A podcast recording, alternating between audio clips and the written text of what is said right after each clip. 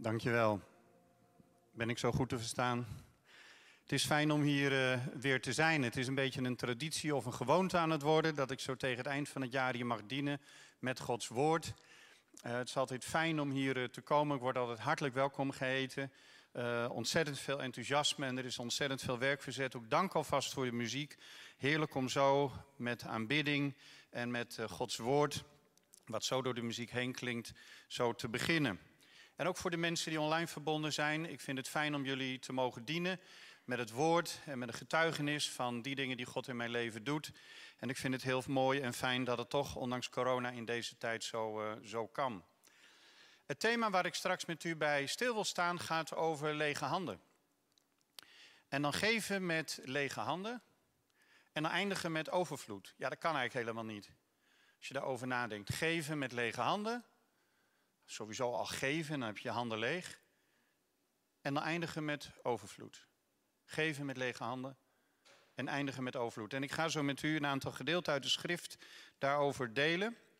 Maar graag zou ik willen beginnen met gebed. Vader, ik wil u danken dat u een eh, herstelplan heeft met deze wereld. Ondanks alle verdriet en verwoesting op het niveau van het milieu, op het niveau van de mensen, op het niveau van landen en naties, oorlogen, ziekte, ellende. Er is zoveel gaande, Heer, als we om ons heen kijken, dan kijken we naar een gebroken schepping, een gebroken wereld.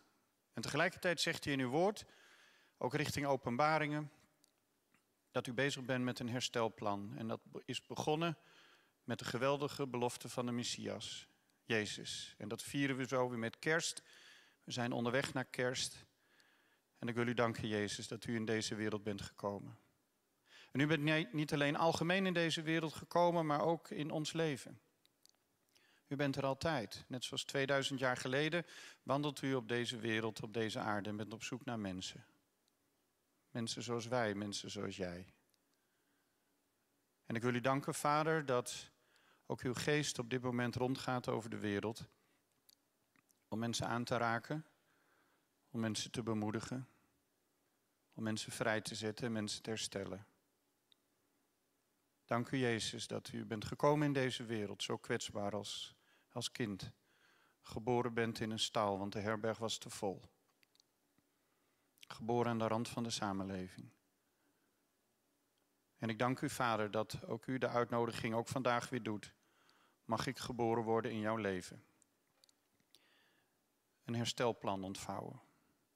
En ik dank u, heren, dat u herstel, ook voor individuen, voor gezinnen, voor relaties, voor deze stad, voor deze gemeente, uw herstelplan steeds verder ontvouwt. Door de kracht van uw Heilige Geest en het verlossingswerk van Jezus. Amen. Amen. Als wij nadenken over het, uh, het, thema, dan zitten we allereerst met een rare onmogelijkheid. Uh, een jaar geleden heb ik hier ook gesproken. Toen heb ik gesproken over het thema bidden met lege handen. En hoe Petrus een man geneest die bij de poort van de tempel zit. En uh, zegt, ja, ik heb lege handen, ik heb geen geld, maar sta op en wandel. En vandaag maken we een verdiepingsslag. Een vraag om leeg te worden. Dat is het eerste onderdeel. En daarna volgt daar een belofte op vanuit de schrift, als wij leeg worden. En dan volgt daar een opdracht om actief te worden, te geven met lege handen. En dan als vierde, Gods antwoord, de invulling van die belofte is eindigen met overvloed. Dus de vraag om leeg te worden, dan volgt daar een belofte op. En dan om actief te worden, te geven met lege handen. En dan, en dan te eindigen met overvloed. Laten we beginnen met de vraag om leeg te worden. En dat is de eerste tekst die ik met u lees. Als het goed is, ziet u die ook. Uit Marcus 1, vers 16 tot en met 20. Toen Jezus langs het meer van Galilea liep, zag hij Simon en Andreas, de broer van Simon, die hun netten uitwierpen in het meer. Het waren vissers. En Jezus zei tegen hem: Kom en volg mij. Ik zal van jullie vissers van mensen maken. Meteen lieten ze netten achter en volgden hem. Iets verderop zag hij Jacobus, de zoon van Zebedeus, en zijn broer Johannes, die in hun boten bezig waren met het herstellen van de netten. En direct riep hij hen. Ze lieten hun vader, Zebedeus, met de dagloners in de boot en volgden hem. Het is een eh, begintekst uit het evangelie van, uh, van Marcus. Uh, een van de oudste en de eerste evangeliën die wij kennen. En daarin wordt er gesproken over de roeping van de eerste leerlingen, discipelen. Leerlingen van Jezus. Dan moet je eens voorstellen, dan ben je aan het werk, in dit geval aan het vissen, maar misschien ben je aan het werk op kantoor, of in de tuin, of in een fabriek, of in de zorg, of ergens anders. En dan komt daar een jonge rabbi langs en die zegt, uh, en die noemt je bij je naam en die zegt, uh, wil je achter me aankomen? En wat zou ons antwoord zijn? Wat zou ons antwoord zijn? Nou, ik vermoed dat ik zou antwoorden, uh, heer, ik moet even mijn werk afmaken uh, en we zien elkaar zondag weer. Of uh, nu even niet, want ja, ja. Of zal, zal, zal dat wel goed zijn? Zal dat wel kloppen? We zouden, als we geroepen worden in ons drukdoenerij, in onze activiteit, toch heel vaak zeggen: We hebben geen tijd, we zijn druk bezig met andere dingen. Maar wat lezen we? We lezen hier ja, dat Simon en Andreas hun netten achterlaten. Ze laten hun spulletjes terstond liggen. Ze ruimen het ook niet op en zeggen: Kom er over een uurtje aan. Maar ze zijn zo gegrepen door de stem van Jezus dat ze hem volgen. En als Jezus jou roept, zijn stem is anders dan al die andere stemmen. De druk op je agenda, de druk van de wereld, de druk via mobiele telefoon, via iPad, via computer. Allemaal stemmen die de hele dag een appel, een verzoek op ons doen om ons te volgen, ons te lijken, om te reageren. Het zijn stemmen van een andere orde. Maar ze hebben de stem van Jezus en door hem heen de stem van God de Vader hebben ze verstaan. In mijn eh, jeugd had ik nogal een vol bestaan. Ik was ook altijd druk. Ontzettend druk baasje.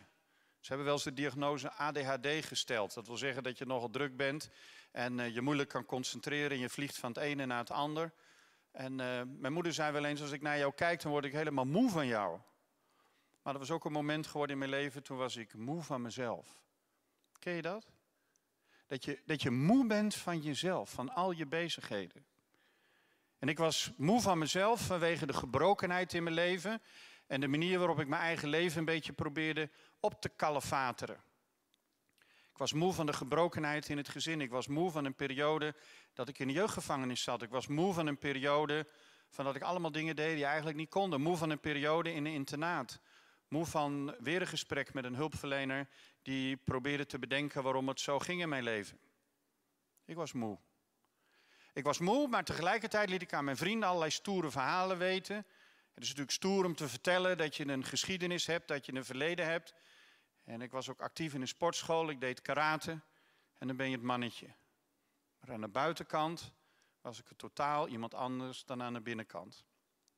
Mijn leven was vermoeiend. Ik was innerlijk moe van mezelf en ik dacht, ja, hoe, hoe moet het nou verder? Wie, wie ben ik nu eigenlijk? En in die periode, ik was ongeveer 18 jaar, brak Gods stem door in mijn leven. En ik ben door twee dromen tot geloof gekomen. Een eerste kleine stap waarin ik ging bidden en God ging zoeken. Later, dat is een half jaar of drie kwart jaar later, kwam ik in een gemeente. En heel bijzonder, toen ik hier de deur binnenstap, toen viel mijn oog er weer op, er staat op de deur hier welkom thuis. En ik kwam in die gemeente was een evangelische gemeente in de Boteringenstraat in Groningen. Er was een drukte van belang daar en ik was helemaal niet gewend. Ik was nog nooit eerder in zo'n kerk geweest. Helemaal geen kerkelijke achtergrond. En ik zag een aantal jongens die ik kende van het leven op straat. Jongens met een verslaving, jongens met een, met een detentieverleden die in de gevangenis hadden gezeten. Jongens die met een vuurwapen rond hadden gelopen. En ik zag ze daar zitten in die kerk. En ik dacht, eten zal hier wel goed zijn of zo. Ik had nog niet helemaal door waarom ze daar zaten. Maar ze waren tot geloof gekomen. Het was een periode van opwekking, van vernieuwing. Zeker in de stad Groningen. Er gebeurden prachtige dingen. En ik kwam daar binnen en er werd gezongen en er werd gebeden. En ik merkte dat die schil die ik om me heen had... en waar ik ook zo moe van geworden was... dat die langzaam afbrak. En toen deed de voorganger, de pastor, die deed de uitnodiging... voor diegenen die Jezus willen volgen. En ik dacht aan het leven van Jezus. En dat werd me heel kort uitgelegd dat hij voor mij is gestorven, in deze wereld is gekomen, voor mij aan het kruis is gegaan. En ik dacht aan wat knok- en vechtpartijtjes die ik had. En als het spannend wordt op straat, lopen er toch een aantal weg. En uiteindelijk blijf je soms alleen staan. Als er een paar met een stuk ijzer of een mes of een ketting voor je staan. Ik heb wel eens alleen gestaan. Ik ben ook wel flink in elkaar getrimd. Met een hoofdwond op de grond gevallen, neergestoken. En dan zijn er weinig die om je heen blijven staan. En ik bedacht, het is Jezus die voor mij is blijven staan. Hij heeft alle pijn, alle verwonding, alle vernedering op zich genomen. Hij is in deze wereld gekomen niet voor een successtory, niet voor academische titels of alle andere mooie dingen, of om een instituut of een universiteit op te richten. Hij is gekomen voor het herstelwerk van de Vader. En wat had ik een herstel nodig? En ik ging naar voren.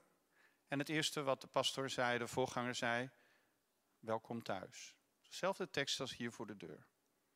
Welkom thuis. En ik was bezig mijn eigen hut een beetje op te kalefateren. Iets van mijn eigen leven te maken. En wat, wat kun je daar moe van zijn?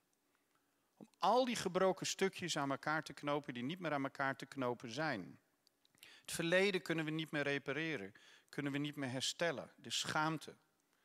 De dingen die ik heb gedaan waar ik spijt van heb. De pijn uit je gezin, uit je familie. Alles wat je hebt opgelopen onderweg. De jongens die zijn overleden aan een overdosis aan drugs. Een pleegmoeder, een prostituee die vermoord werd in Groningen.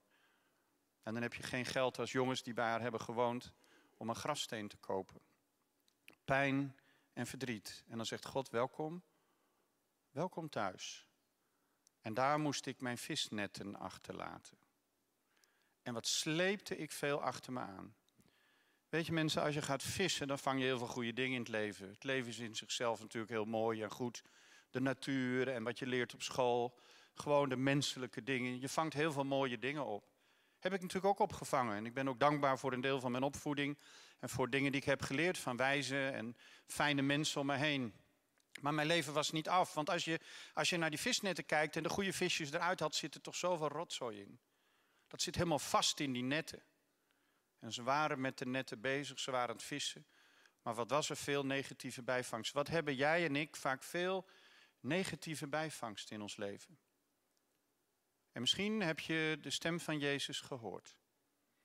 En ligt er vandaag ook bij jou de vraag om Hem te volgen. Misschien ook de volgende stap te zetten om je te laten dopen. Daar is dit jaar nog tijd voor. Prachtig. Maar misschien ken je Jezus ook al wat langer en ben je gedoopt, vervuld met Gods geest. En tegelijkertijd, wat hebben we weer allemaal achter ons aangesleept? Wat is er weer veel gepasseerd de afgelopen tijd, misschien ook dit jaar? En ik heb in mijn leven ervaren dat mijn keuze om de visnetten achter te laten, was niet alleen op het moment van mijn bekering een radicale keuze om Jezus te gaan volgen, maar is een vraag die zich bij herhaling in mijn leven aandient. Bent u moe van uzelf? Dan wordt het tijd om dingen los te laten. Achter u te laten. Lege handen te krijgen. Wat ik ook heb gemerkt, en dat lezen we ook in dit mooie gedeelte, dan loopt Jezus verder en dan ziet hij Jacobus en de zoon van Zebedeus en zijn broer Johannes. En, en die zijn bezig met, met dingen te repareren. Wat kunnen we druk zijn in ons leven, niet alleen om de pijn en het verdriet te compenseren, met je beter voor te doen en iemand anders voor te doen dan je bent. Een identiteit aan te nemen, en zeker in het leven buiten op straat, om het zo maar te zeggen. Maar wat kunnen we ook bezig zijn om ons leven te repareren, de innerlijke leegte op te vullen met drukdoenerij, met de moeite om aardig gevonden te worden. Misschien ook wel op te vullen met een verslaving. Misschien ook wel op te vullen met gedrag wat het daglicht niet verdraagt. En ons leven te repareren, de stress en de spanning af te wentelen op gedrag wat niet oké is. Ik ken dat in mijn leven. De woede in mijzelf en de boosheid reageerde ik graag af op anderen. Wat kunnen we druk zijn met ons werk, met ons leven, maar wat kunnen we ook druk zijn met ons eigen leven te repareren en te herstellen. En wat zegt Jezus? Wil je mij volgen? Als je moe bent, als je te druk hebt, als je te veel hooi op je vork hebt genomen, laat dan los. En word leeg. En als je bezig bent je eigen leven te repareren, stop daar maar mee, want het gaat niet werken. Ik heb Jezus leren kennen en ik mocht bij hem thuiskomen. En het ging niet meteen over rozen, maar een van de eerste dingen die los moest laten was mijn vriendenkring en het uitgaansleven. Het tweede was de sportschool. En ik was goed. Ik wilde sportleraar worden. Ik wilde een sportschool beginnen om boefjes van de straat te halen. Ik was zelf zo'n half boefje en ik identificeerde me daar ook mee. En dan sta je daar met je zwarte band in de dojo en dan ben je toch echt een mannetje. Maar ook de sportschool moest ik loslaten. Maar ook mijn identiteit. Dat je het mannetje bent. En dat als je ergens binnenkomt dat er een zeker respect of gezag voor je is. Omdat je een geschiedenis hebt in een gevangenis en op een sportschool. Dat je kwetsbaar wordt. Kwetsbaarheid is een enorme kracht. Jezus is kwetsbaar geworden voor ons. Zonder kwetsbaarheid geen ware vriendschap, zonder kwetsbaarheid geen geloof. Zonder kwetsbaarheid geen samenwerking. En ik moest leren om kwetsbaar te worden. Maar dat was niet makkelijk. En ik herinner mij, een aantal jaren later, ik was heel druk en ik gaf graag mijn getuigenis en ik bad met veel mensen en ik werkte in het christelijk evangelisch opvangwerk, onder andere bij de stichting Timon in Utrecht, dat ik, dat ik weer zo'n periode dat ik moe was van mezelf. Wat was ik druk? In de kerk, in de gemeente, evangelisatiewerk, koffiebarwerk, prachtige dingen. Er kwamen heel veel jongelui tot geloof. Ik werkte op Hoogkaterijnen en ik was gewoon een gelijke onder die jongelui van de straat, want ik sprak een beetje hun taal en ik kende hun sfeer. En sommigen die keken ook naar me op vanwege mijn getuigenis. Maar wat was ik moe van mezelf. En ik ging in de stilte om bij te komen. En ik had daar een mooie plek voor gevonden, een klooster in Tegel. Ik heb er wel eens wat vaker over gezegd. Ik ging eerst eens twee dagen in de stilte, toen eens vier dagen, toen eens tien dagen. En toen kwam ik bij de schrift in dat gedeelte dat Jezus 40 dagen in de stilte was. En ik kreeg de gelegenheid om 40 dagen in volledige afzondering in de stilte te gaan. Aan de voeten van de Vader te zitten. En leeg te worden. Want wat was ik moe van mezelf. Ondanks alle goede werken en het idee dat ik mijn roeping had gevonden. En ik stelde opnieuw de vraag, Heer, wat is mijn roeping? In die stilte. En om een lang verhaal kort te maken, de eerste dagen waren buitengewoon onrustig. Als je 40 dagen volledig in een afzondering bent, het was een kluis, klein gebouwtje met een klep, één maaltijd per dag. En in het midden ook nog zeven dagen alleen op water in vasten. 40 dagen in afzondering, dat is, dat is, dat is heel ingewikkeld om te beginnen. En de eerste dagen was heel onrustig. En ook wel dat je denkt, ja, wat ben ik hier eigenlijk aan het doen? Moet ik niet wat mensen gaan helpen? En er is zoveel nood. En, uh, en ook een beetje zo'n zinloos gevoel. En zoveel onrust in mezelf. En na vijf dagen denk je, Heer, wilt u wat tegen mij zeggen? Wilt u zichzelf openbaren? En wat liet de Heer me toen zien? Gabriel. Ach, Gabriel, ik wacht op thema's in jouw leven al jarenlang. Maar je bent zo druk en zo bezig. En nou na vijf dagen in de stilte roep je al dat je iets van mij wil horen of ontvangen wil. En toen heb ik tegen de Heer gezegd, Heer, al zegt u de komende dagen helemaal niets meer. Het is goed om bij u te zijn. Want wat kunnen we ook in onze stille tijd druk zijn? Herhalingen. Steeds maar bidden voor hetzelfde. Problemen steeds bij de Heer brengen. God leidt niet aan geheugenverlies. Als je het één keer hebt gezegd, dan weet hij het. Maar we moeten oefenen om stil te worden bij de Vader. En toen heb ik de allerbelangrijkste opdracht van de Heer te ontvangen. Ik zeg, Heer, wat is mijn roeping? En toen zei de Heer in de stilte heel duidelijk, Gabriel, één belangrijke roeping heb je. Dat is om een kind van de Vader te zijn. That's it. Een kind van de Vader. Ik ben aangekondigd met academische titels en zo, maar dat is allemaal helemaal niet van waarde. Is een beetje interessant doenerij en het is mooi en een titel en het is goed dat je studeert en dingen bereikt en je talenten inzet. Maar voor Gods koninkrijk doet dat er helemaal niet toe. Wat er voor Gods koninkrijk toe doet, is dat je een kind bent van de Vader. En wat hebben kinderen? Je hebben lege handen. Kinderen hebben geen bezit. Als jij op een punt bent in je leven dat je, dat, dat je denkt, ja, wat kan ik eigenlijk voor de Heer doen? En je hebt lege handen, je bent precies op de goede plek. God kan alleen maar lege handen vullen en geen drukdoenerij. Laten we eens kijken naar de belofte die God vervolgens geeft als we lege handen hebben. Als je bereid bent om jouw visnetten achter je te laten. En dan kijken we naar Marcus, het volgende gedeelte in de schrift. En daar staat, Petrus nam het woord. Maar wij hebben alles achtergelaten om u te volgen. En Jezus zei, ik verzeker jullie. Ik verzeker jullie, iedereen, die broers, zusters, moeders, vaders, kinderen, huis of akkers, daar heb je weer werkzaamheden, akkers heeft achtergelaten, omwille van mij en het evangelie, die zal het honderdvoudig ontvangen in deze tijd. Broers, zusters, huizen, akkers, al dat al zal dat gepaard gaan met vervolging en in de tijd die komt het eeuwig leven. Een geweldige belofte. Ook een belofte op strijd. Het zal niet altijd makkelijk zijn, maar ook een belofte daaroverheen op het eeuwig leven. Een nieuwe fase in je leven wil zeggen alles loslaten. En niet alleen je negatieve ervaringen, maar ook je status en je identiteit en zoals jij je leventje hebt opgebouwd en zoals je je presenteert. En misschien ken je Jezus al, maar is er toch een moment van totale vernieuwing aangebroken in je leven. Een volgende stap in jouw geloof. En dat wil niet zeggen dat je al moet weten wat er te doen is, maar dat je begint bij de allerbelangrijkste roeping vanuit de schrift om maximaal een kind van God de Vader te zijn. Welkom thuis, in het huis van de Vader. En je akker en je visnetten en je andere dingen los te laten, dat er ruimte komt.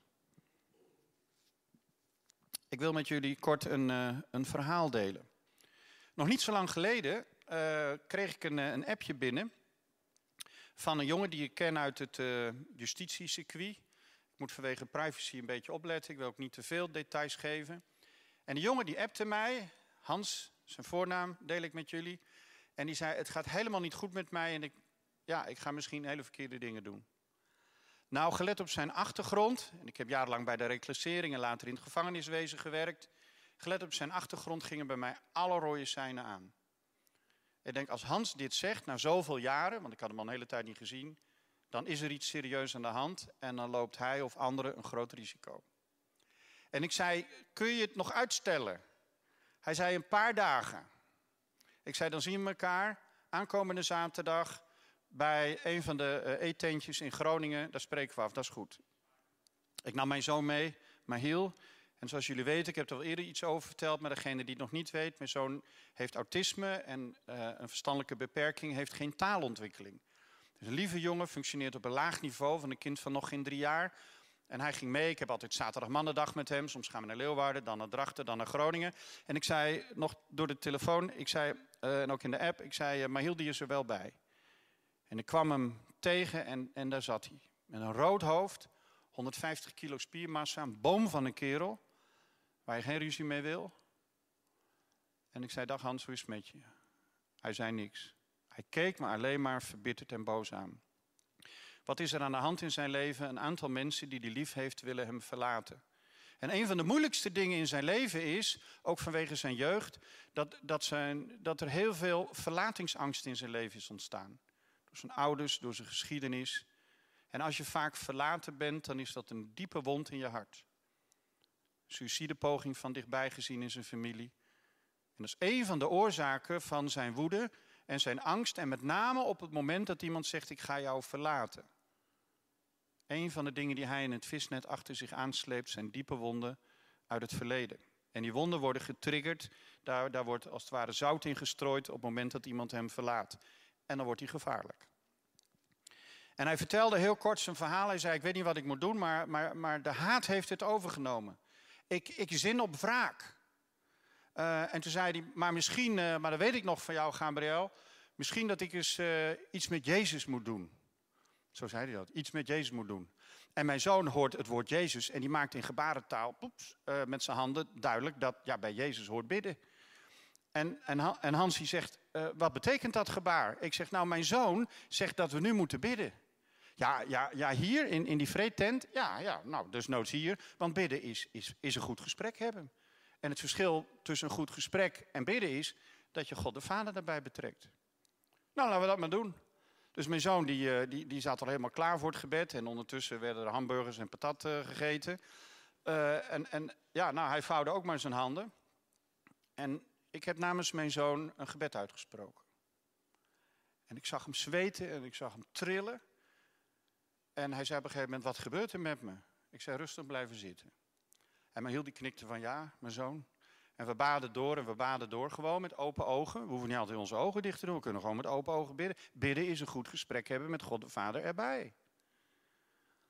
En uh, mijn zoon die klapte nog twee keer in zijn handen, dat was het gebaar voor amen. Ik zei amen en zei, ik weet niet wat er met me gebeurt. Uh, ik zei, zullen nog even doorpraten? Hij zei, nee, laat me maar even alleen, ik, ik, ik weet het niet. Maar het is goed zo. En we liepen weg. Ik heb Hans alleen gelaten en de zondag erop, het was zaterdag, zondag erop, heb ik weer contact met hem gezocht. En ik zocht contact met hem en hij zei: Ik weet niet wat er met mij gebeurd is, Gabriel, maar de haat is verdwenen. Hij zei: Ik, ik ken mezelf niet meer terug. Hij zei: Ik ben een half uur blijven zitten, ik kon niet lopen. En er gebeurde iets met me. Ik ben naar huis gegaan en ik was zo moe. Ik ben half met mijn kleren in slaap gevallen en ik werd veel later wakker. Ik zei, Hans, dat is Gods geest die door jou werkt. En die is begonnen met een herstelplan in jouw leven. En zo heb ik Hans weer leren kennen en hebben we weer contact gemaakt. En ik lees graag met jullie daarvoor naar een volgende tekst. Met lege handen geven is, is natuurlijk een vraag. Want ik zat daar met lege handen en ik heb hem iets gegeven. Maar ik lees dan graag naar de volgende tekst. En dan staat er uh, in Marcus 6, vers 36. En dan zeggen de discipelen het volgende. Op het moment dat bij een maaltijd er gevraagd wordt om brood uit te delen. Want er is te weinig brood. Er is een moment om te gaan eten. En er is te weinig brood. Er is vijf broodjes en twee visjes. En dan zegt Jezus, ja, geef ze maar te eten. De mensen hebben honger. De mensen hebben trek. En wat zeggen de leerlingen dan? Moment van de maaltijd, het moment van het eten, het moment van honger. Dan zeggen ze in Marcus 6, 36, stuur hen weg. Dan kunnen ze naar de dorpen en de gehuchten in de omtrek gaan om eten te kopen. Maar hij zei, geven jullie hun maar te eten. Weet u hoe we dat in de moderne tijd noemen? Delegeren. Delegeren. En ik moet bekennen, in mijn persoonlijke visie en missie heb ik geleerd om tegen heel veel dingen nee te zeggen. Maar als het appel van de ander komt met een vraag om herstel, dan moet ik niet delegeren. Dat is niet een vraag van de medemens alleen, maar het is een vraag die van God uitgaat. En ik deel graag even een klein stukje van mijn persoonlijke visie en missie. Heb ik uitgewerkt, heb ik biddend uitgewerkt, in de stilte heb ik uitgeschreven. En dat gaat als volgt. Ik, Gabriel Antonio, geloof dat ik kind van de Allerhoogste ben, van God de Vader, door Jezus verlost en met de Heilige Geest vervuld. En dan komt hij. Ik, Gabriel Antonio, geloof dat de mens bedoeld is om rechtop te lopen. Er zijn mensen die gebogen door het leven gaan, zich vernederd voelen. Mijn leven en talenten wil ik graag inzetten voor die mensen die zich vernederd voelen of weten. Zodat ze zicht krijgen op een ander leven, een leven met een nieuw perspectief. En hierdoor weer rechtop kunnen lopen. Want er is één iemand voor ons allemaal vernederd. Jezus. Jezus is voor ons vernederd. En om die reden hoeft niemand zich nog langer vernederd te voelen of te weten. Dit is mijn persoonlijke visie en missie. En wat gebeurde er? Hans die, die belde mij een paar keer om, om nazorg. En wat deed ik? Ik verwees hem naar de geestelijk verzorger bij de verslavingszorg waar ik werkte. En ik verwees hem naar de gemeente in Groningen. Nou, bij de geestelijk verzorger had hij geen klik, dat, dat, dat, dat voelde niet goed. Hij zei, ja, hij begrijpt het niet en hij is misschien ook wel bang voor mij. Ik weet niet of het waar is, maar hij had daar geen klik mee. En hij ging naar de gemeente en dat overweldigde hem. Het was veel te druk voor hem. Het was veel te veel en hij zocht contact. En ik dacht, ja, wat heb ik nou mijn fiets hangen? Ik heb die jongen geholpen en we hebben gebeden. En ik verwijs hem nu, hij woont in Groningen, naar de gemeente, naar de geestelijk verzorger. En ik ging de stilte in en ik zei, vader, wat moet ik hiermee? Geef gij hem te eten. Geef hem toch te eten. Het is de tijd van de maaltijd. Ja, maar ik heb maar vijf broodjes en visjes. Wat kan ik nou voor, voor Hans doen? Ik heb Hans gebeld. Ik zei, ik weet niet precies wat we zouden kunnen doen, maar misschien zouden we af en toe eens wat vaker kunnen bidden. Ik zei, laten we dat doen, zei Hans. En nu hebben we elke zondagavond samen een moment van bijbellezen en samen bidden. Hij heeft zijn hart aan Jezus gegeven en we hebben nu het gesprek over de doop.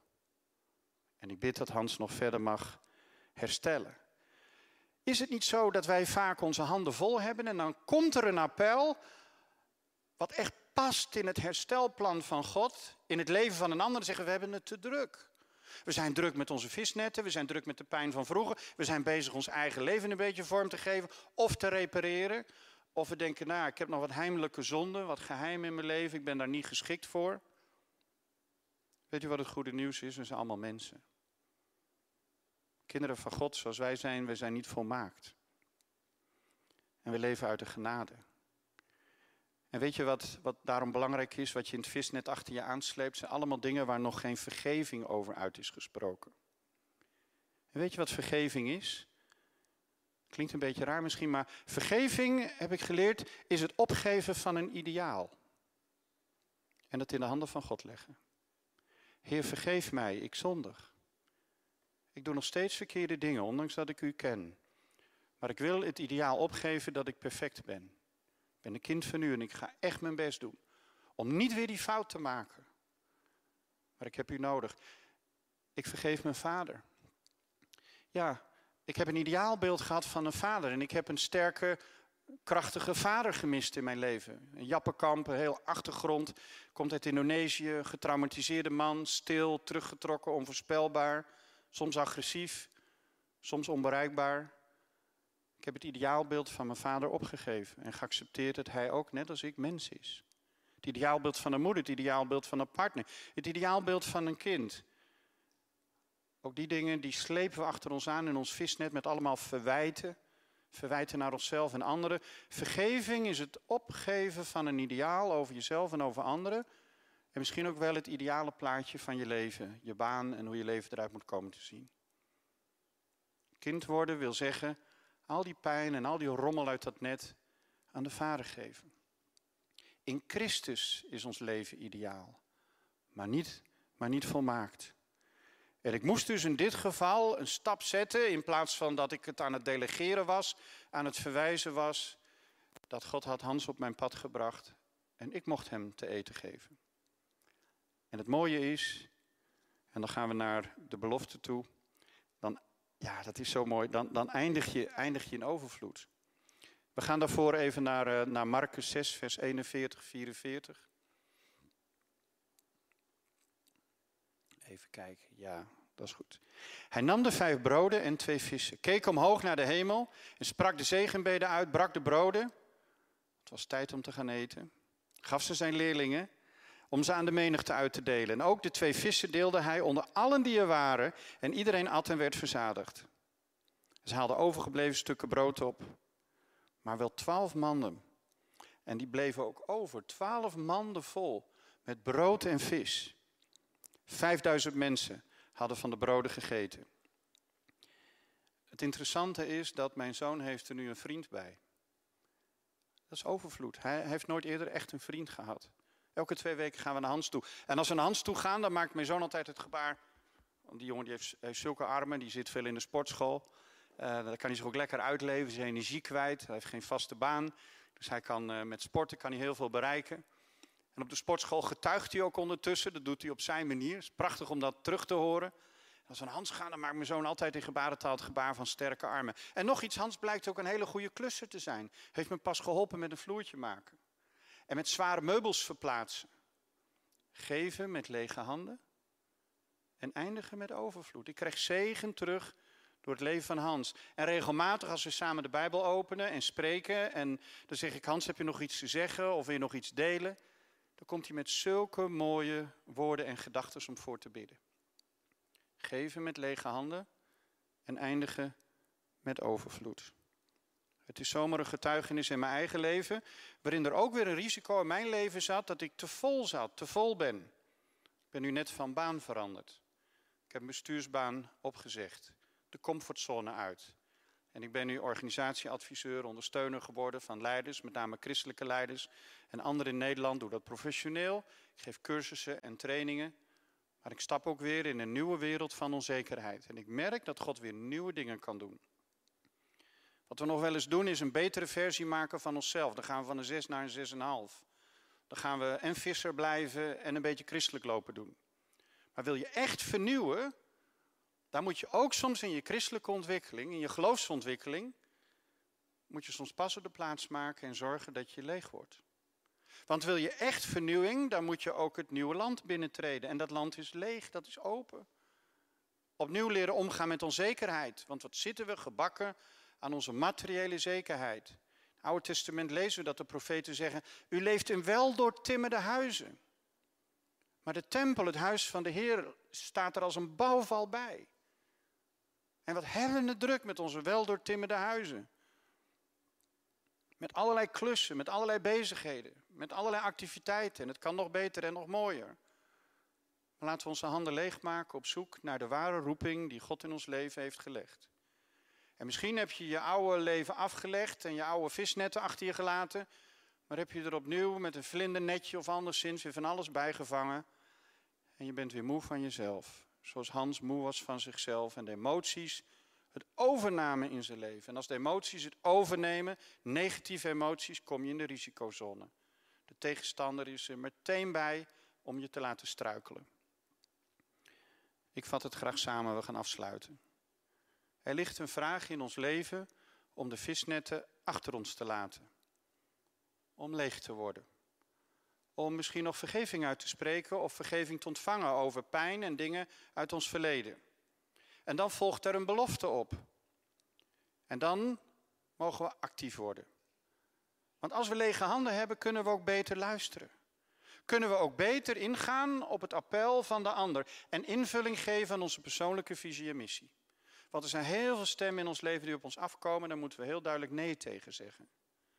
Maar de stem van Jezus, die ook een appel doet door de ander heen, de ander met een hoofdletter, door de ander heen om bij te dragen zijn of haar herstel, die moeten we niet delegeren, niet wegsturen. Maar er ligt er een appel bij ons om te geven met lege handen. En als we geven met lege handen, dan ligt daar een geweldige belofte. Als we geven met lege handen, dan zal God ons zegenen met overvloed. En dat bedoel ik niet in materiële zin, misschien soms wel, maar vooral ook in geestelijke zin. God zal je zegenen met overvloed in alle opzichten in je leven.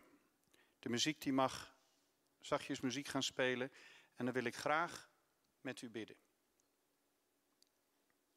Laten we een moment stil worden. En misschien wil de muziek zachtjes wat tonen met ons delen.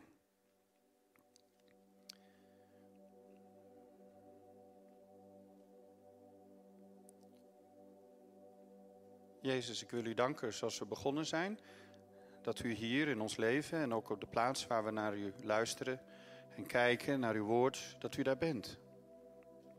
Thuis bij de mensen of op een andere plek en hier. En we luisteren naar uw stem. Door alle drukte heen, door alle prikkels heen, door alle beelden heen, gaat het alleen om u, Heer. We willen luisteren naar uw stem.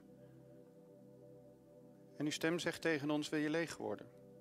Wil je al die dingen waar je zo moe van bent en die achter je aansleept? En waarvan u ook zegt, dat zijn niet de dingen die ik van je vraag. Dat is niet je roeping, wil je die loslaten? En misschien word je op dit ogenblik herinnerd aan dingen waarvan je langer weet dat je die achter je aansleept en dat je die in orde moet brengen. Vergeving moet uitspreken. Het loslaten van een ideaal over een ander. Misschien ook vergeving moet ontvangen. Je bent een paar keer gestruikeld en hebt er spijt van. Je draagt een geheim met je mee. Je hebt vergeving en gebed van een ander nodig. Dat je vrijgezet wordt van de last die drukt op je schouders en op je geweten. Allemaal dingen die je nog achter je aansleept. Misschien heb je ook een veel te volle agenda, te drukke bezigheden, te veel beloftes gedaan. Vandaag is het moment om de visnetten achter je te laten en in de ruimte te stappen met Jezus. Misschien ben je ook bezig jezelf op te poetsen, je leven te repareren. Te repareren wat is stuk gegaan. Je speelt een spel in je leven. Je probeert iets te zijn wat je niet bent en daar word je heel moe van. Ook dat mag je opgeven in dit gebed. En dat mag je opgeven door je handen te openen en op je schoot neer te leggen. Als teken dat je zegt, Vader, ik wil gehoor geven aan deze boodschap en aan dit gebed.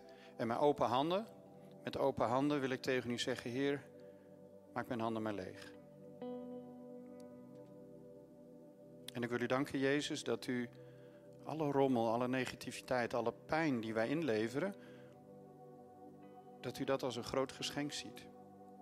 Iets waar we eigenlijk niet mee zouden durven aankomen, ziet u als een geschenk. Want nu komt er ruimte voor uw geest. U kunt het opruimen. U kunt het wegdoen. En ik dank u, Jezus,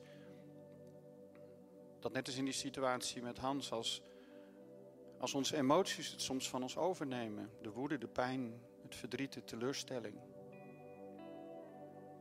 Dat er nu rust mag zijn in de ziel die het betreft, Heer.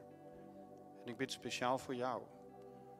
Als emoties de overhand nemen en het leven mistig is geworden en donker. En je moe bent van al het gesleep en gesleur en moe bent van alles hoog houden in je leven, wat niet meer hoog te houden is, leg dat leven nu in de handen van Jezus.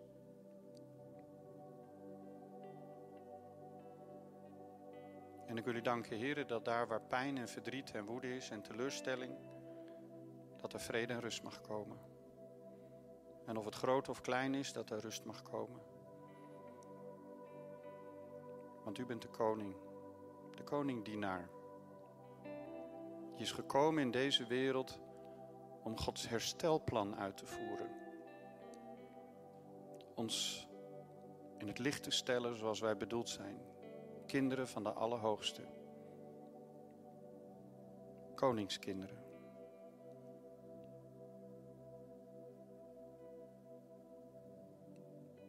Heer, en ik bid u ook voor de jonge mensen, heren, die soms al zoveel achter zich aanslepen. Kinderen, van jonge leeftijd soms. Die soms zo worstelen met zichzelf, met hun identiteit, wie ze zijn, waar ze naartoe gaan. Ze horen zoveel onderweg. Zoveel aanklachten op hun geloof, op hun diepste identiteit, wie ze zijn. En ik bid u, heren, wilt u ook hele jonge kinderen, jonge mensen, ook vandaag bevestigen. Dat ze mogen ervaren en weten dat zij geen visnetten achter zich aan hoeven te slepen, hun eigen leven niet hoeven te repareren. Dat u voor hen zorgt. Kinderen van de Allerhoogste, laat de kinderen tot mij komen. Zo zegen ik jong en oud. En ik bid u, heren, dat uw woord, heren, dat het verspreid mag worden. En dat bij mag dragen tot herstel. Wees gezegend. In Jezus' naam. Amen.